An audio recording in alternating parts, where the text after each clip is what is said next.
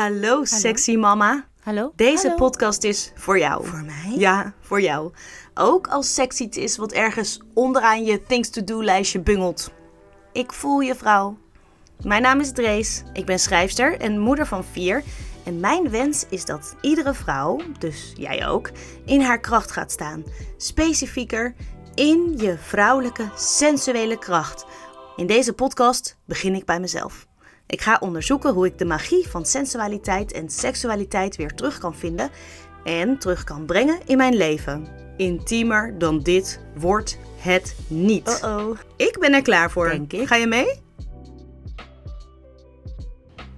Hey. Misschien hoor je het al aan mijn stem. Floris en ik hebben vandaag gespijbeld. Nou, laat ik het zo zeggen, we hadden een, vrij ochtendje afgesproken. En het leek me leuk om jou eens te vertellen hoe dat eigenlijk gaat. Zo'n vrij afspraakje, zo'n vrij ochtendje. Het is een beetje een combinatie van eh, verschillende dingen. En ik kan je vertellen, er kwam heel veel aan bod vanmorgen. En ik hoop dat het je ook inzicht kan geven in dat dus zo'n eh, date, dat dat niet per se alleen maar super tantrische seks of harde porno eh, is. Integendeel. Dus ook niet alleen maar kommer en kwel. Maar ehm, laat mij voor jou uit de doeken doen hoe dat vanmorgen ging. Je hoort misschien wel aan mijn stem dat het in elk geval een succes was, maar het begon niet per se. Ja, nou, oké, dus we hebben een beetje gedoe de laatste tijd. Het, het stroomt niet zo lekker. Ik zit niet helemaal in mijn kracht. Integendeel, ik zit helemaal niet in mijn kracht. Ik zal je de details besparen, maar in elk geval de verbinding met mezelf was een beetje zoek. En ook de verbinding tussen mij en Floris. Ja, dus eigenlijk had ik niet per se zin om samen te komen. En tegelijkertijd was ik er ook niet tegen of zo. Ja, en we hebben dus 14 jaar verkering. Dat hadden we afgelopen zondag en vandaag is het woensdag. En hadden we voor het eerst een moment met z'n tweeën. Normaal gesproken hebben we vaker tijd voor elkaar, maar helaas heeft onze oppas haar enkel gebroken. Dus hadden we iets meer de kinderen dan we dachten.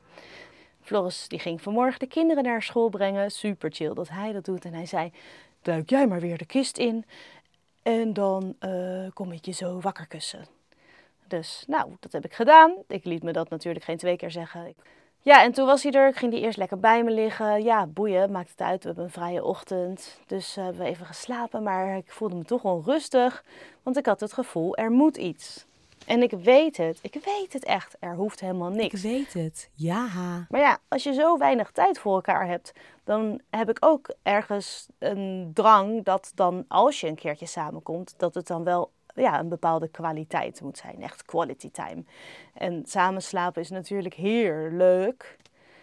Maar goed, voor je het weet is het weer tijd om uh, de kinderen van school te halen. Het gaat gewoon super snel, vooral op woensdag. Ongeveer na een uurtje uh, slapen had ik er een beetje genoeg van. Dus ik dacht, weet je wat, ik ga toch een soort van nest creëren. Een beetje een tantrisch nest. En dan maken we de omgeving mooi. Dus we hebben een mooie doek, die leggen we dan over het bed heen. En eerlijk gezegd vond ik het bed niet meer zo fris. Maar goed, om nou alle lakens te verwisselen. Dus ik dacht, ik ga even smutsen met Sali. En ik zet een mooi muziekje op. En ik maak een kopje cacao voor ons. Ja toch? Cacao is hartopenend. We drinken het heel graag. Ik ben echt uh, een cacao-vrouw. Ja, zo gezegd, zo gedaan. Dus ik glipte het bed uit en ik ging het plekje mooi maken. Maar er is wel een beetje iets onhandigs. Ik vind bijvoorbeeld de spleet in het grote bed te groot. Vind ik al een tijdje. En uh, ja, nu ja, merkte ik dan toch dat, dat dat hele mooie mandala kleed daar een beetje tussen flipte. En uh, ja, dat vond ik een beetje irritant. Daar, bovendien uh, zaten we echt pal voor het raam, dus ik deed de gordijnen dicht, maar vond ik het eigenlijk weer te donker. Dus ik schoot een beetje in mijn hoofd. Ik deed ook het raam dicht, want hé, hey, het zou zomaar kunnen dat als het heel gezellig wordt, dat we ge geluid gaan maken. En toen was het ineens heel heet, dus ik zat tegenover Floris. We, hebben, uh, we hadden geen meditatiekussentjes, want die liggen nog in het campertje. Dus ik zat een beetje onhandig op een hoofdkussen. Weet je, luxe problemen zijn, ook problemen. Misschien ben ik te perfectionistisch, ik weet het niet. Het was in elk geval, uh, ja, net niet. Een informatieblokje. over context. Hebben we het al een keertje gehad over context? Jazeker. Maar dat betekent niet dat we het niet nog een keertje erover kunnen hebben, want context is belangrijk voor fijne seks. Emily Nagoski heeft daar heel veel over geschreven in haar boek Kom als jezelf. Ja, en context is eigenlijk alles. Hoe gaat het met je en wat maakt dat het zo met je gaat? Nou, dat is nogal breed. En dat is zowel op fysiek niveau als mentaal. En misschien ook wel energetisch. En nou ja. Dus uh, zorgen en pijntjes horen daarbij. Bijvoorbeeld maak je je zorgen over of je jezelf wel mooi vindt. Of je lekker zit of ligt. Of je hoofdpijn hebt. En hoe veilig voel je je? Nou, veilig voelen is nogal een dingetje. Je voelt je eigenlijk veel vaker onveilig dan je misschien wel zelf doorhebt. Dat is een beetje een deprimerende gedachte misschien. Bewustwording is key, toch? Context betekent ook wat de ander doet. Of hij bijvoorbeeld wel lekker ruikt, of je hem knap vindt, of je hem vertrouwt. Heb je die veiligheid weer, hè? En context is ook hoe het in je relatie is. Heb je bijvoorbeeld net ruzie gehad? Hebben jullie een bloeiend seksleven? Of uh, is het een beetje een moedje? Nou, context, nog een keer context, dat is ook de omgeving. In mijn geval ligt die mooie mandala-doek wel goed? Zijn de lakens fris genoeg? Context is ook je eigen gedrag. Wat doe jij zelf? Zit je bijvoorbeeld heel erg de boel onder controle te houden? Dat zat ik namelijk te doen. Ik zat behoorlijk op de regisseursstoel. Dat realiseerde ik mij en dat zei ik ook hardop. Nou, en Floris was heel lief. Die zei namelijk: Oh, kom maar in het publiek. Hier is het ook fijn. En dus heb ik mijn gedrag, eigenlijk mijn houding, aangepast en probeerde mij meer over te geven aan de situatie. Maar goed, dat deed ik dan ook weer doordat hij de juiste context bood, weet je. Hij creëerde een soort van veiligheid. Dat gaf me een veilig gevoel. En om het nog even wat eenvoudiger te maken, context is ook of je het heel erg druk hebt. Oh, bijvoorbeeld als je weet dat de baby elk moment wakker kan worden of dat je nog een podcast op wil nemen. Dat is niet zo goed voor de sfeer. Nou, het is interessant om te onderzoeken, en daar, daar pleit mevrouw Nagoski natuurlijk ook voor, dat je gaat onderzoeken wat je eigen sexy contexten zijn. En je eigen niet zo sexy contexten. ja, de. En als je dat dan weet, dan kan je dus een afspraakje maken met je partner. Of misschien met jezelf trouwens, dat kan ook natuurlijk. En dan ga je zo die context zo maximaal uh, streamen, polijsten, vormgeven, dat je een maximaal resultaat kunt behalen. Hm, lekker doelgericht. vond de playlist die ik had uitgekozen ook een beetje moi. Dus ik zat tegenover Floris en ik voelde alleen maar dit. nou, en aangezien het dan een ochtend is waarop alles er mag zijn, deed ik dus.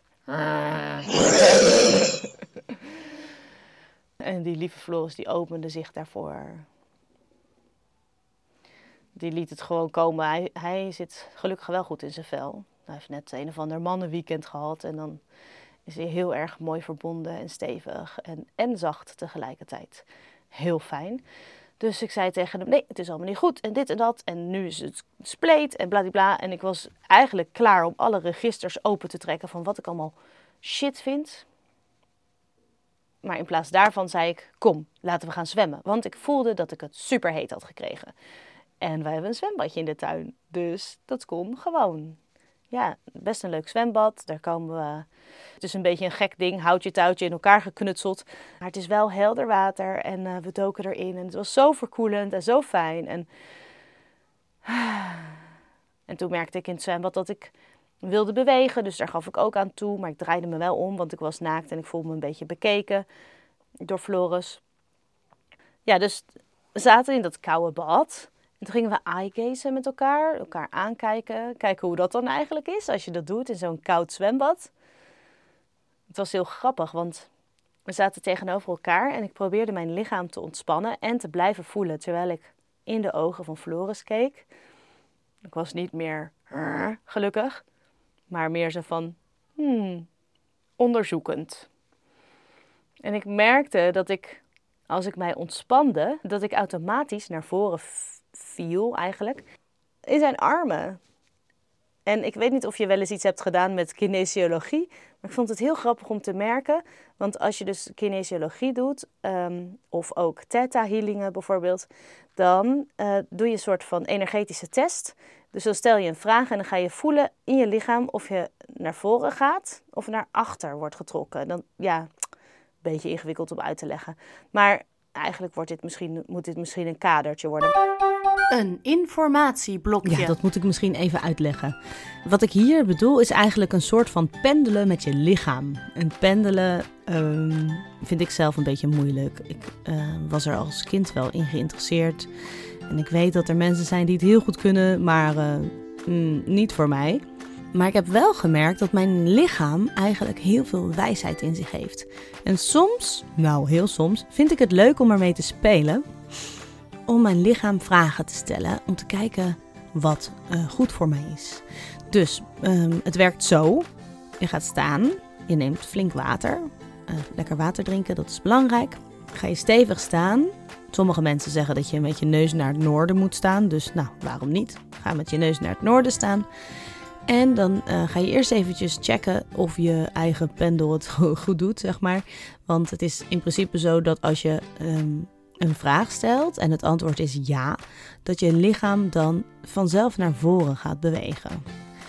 En als het antwoord nee is, dan heb je misschien wel het gevoel dat je naar achter wordt getrokken. Dus dan gaat je lichaam zich heel subtiel of soms minder subtiel naar achter bewegen. En als eerste stel je dan de vraag: of eigenlijk de stelling, mijn naam is, nou in mijn geval, Drees. Nou, dat is waar. Dus als, je, als het goed is, komt er dan vanzelf een impuls om naar voren te bewegen.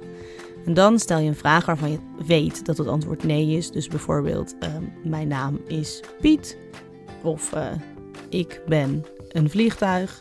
Weet ik veel. Verzin maar wat. Vul in op de stippellijntjes. En uh, ja, dan ga je wachten uh, dat je lichaam een antwoord geeft. Dus in principe doe je zelf niks. Hè? Je staat gewoon te staan, lekker ontspannen. En als het goed is, gaat je lichaam dan naar achter. En dat kan je dus ook doen met andere vragen. Is het een goed idee voor mij om uh, vandaag een dagje vrij te nemen? Of zal ik dat boek gaan schrijven? Zal ik nu dat boek gaan schrijven?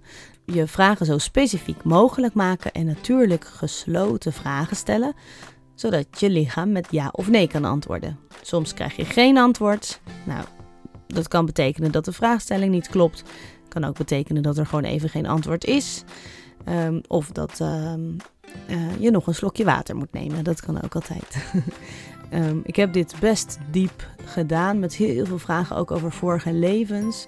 Ik weet niet of ik je dat per se zou aanraden, maar je kan best wel veel doen. Dus bijvoorbeeld, wat ik nu voel, is dat iets wat doorgegeven is uit mijn voormoederlijn, bijvoorbeeld. Nou, dat is een beetje, misschien een beetje erg diepgaand voor zomaar uh, deze random podcast. Maar in dit geval vond ik het in elk geval heel leuk dat mijn lichaam automatisch ja, naar Floris toe bewoog. Dat is ook leuk om te proberen, hè? Om tegenover elkaar te gaan staan en te kijken of je naar elkaar toe beweegt. Of misschien niet. Misschien beweegt je, je rug wel richting de afwas die nog gedaan moet worden.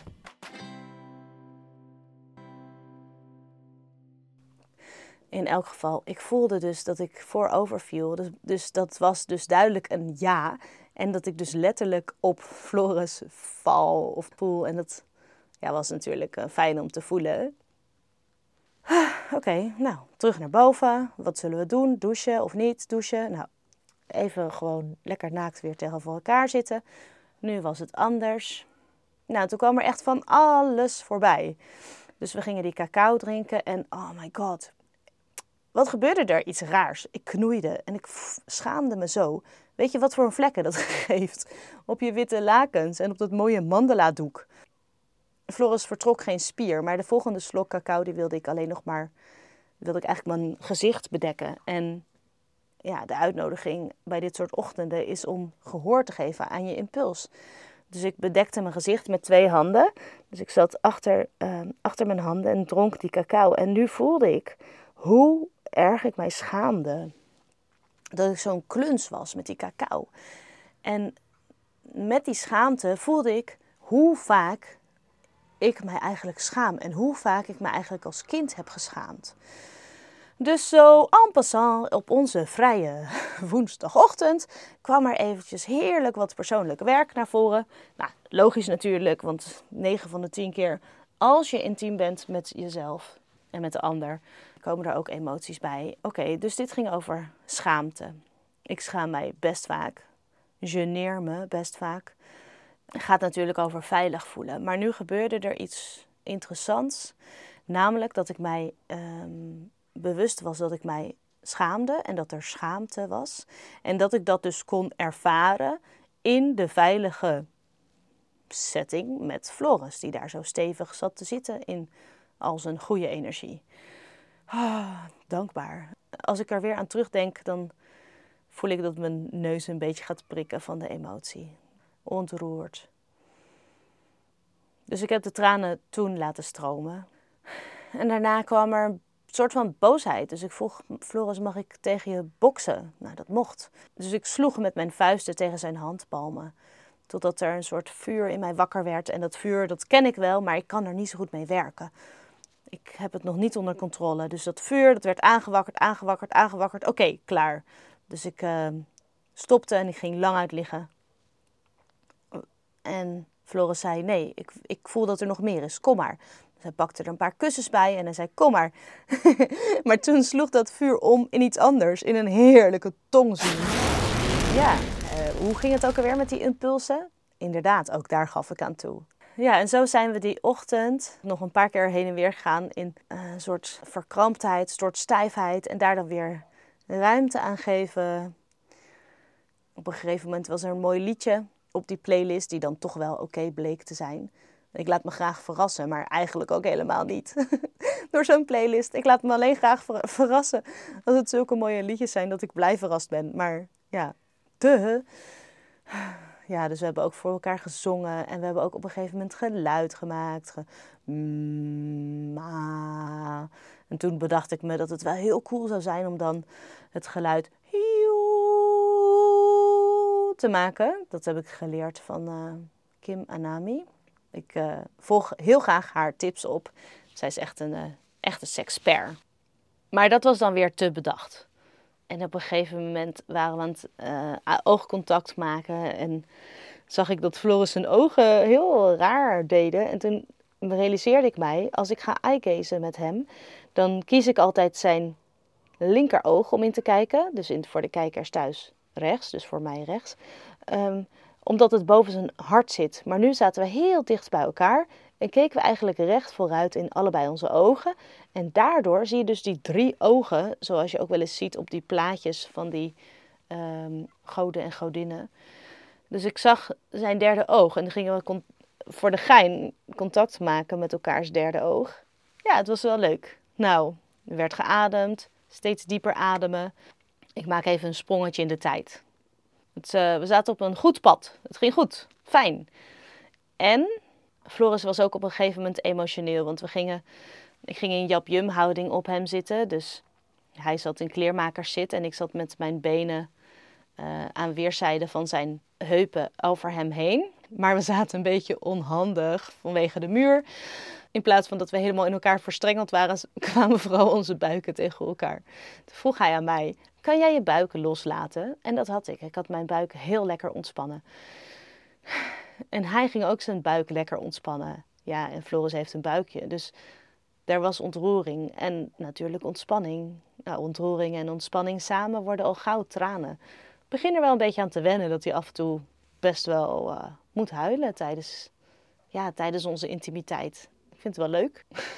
ja, dus hoe, hoe ging deze vrijochtend verder? Heel fijn ging die verder. We hebben uiteindelijk heerlijke ademhalingsoefeningen gedaan. Dat is de windademhaling. Dat je door je mond inademt en dan maak je het geluid van een fluit. Of van de wind eigenlijk. En dan uitademen met minder intentie door je mond. En als je dat een tijdje doet, dan kan je dus als vrouw inademen door je yoni en uitademen door je hart. En de man doet het tegenovergestelde, die ademt in door zijn hart en uit door zijn lingam. En als je dan in Yum houding zit, of in elk geval tegenover elkaar, dan kan je een hele fijne kringloop laten ontstaan. En dat heb ik dan weer geleerd van Marije en Jeroen van Avond Vol Aandacht. ja, en uiteindelijk ontstond er toch wel die geile seks. Ook nog. Maar niet hard, wel diep. Heel diep en lekker diep. Ja, oh, als ik eraan terugdenk, voel ik weer de kriebels in mijn buik. Ik moet bijna ongesteld worden en daardoor is mijn, um, is mijn baarmoeder en mijn baarmoedermond heel wakker of zo, gevoelig. Misschien wel al een beetje aan het openen. Ja, en ze was echt heel erg klaar om, ook nadat we natuurlijk al anderhalf uur bezig waren met elkaar, hè, om Floris helemaal te ontvangen. En dat hebben we ook gedaan. En tot en met een heel fijn, heerlijk happy end. ik zit even na te denken hoeveel details ik je ga geven van dat laatste stukje. Toch wel een soort van de finale. We gingen er niet per se naartoe werken, maar het ontstond en het was super fijn.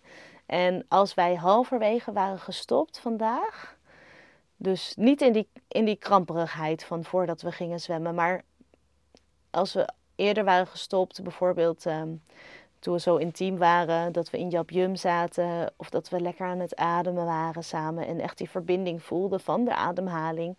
En ook met dat derde oog erbij, er was echt heel veel magie en sacredness.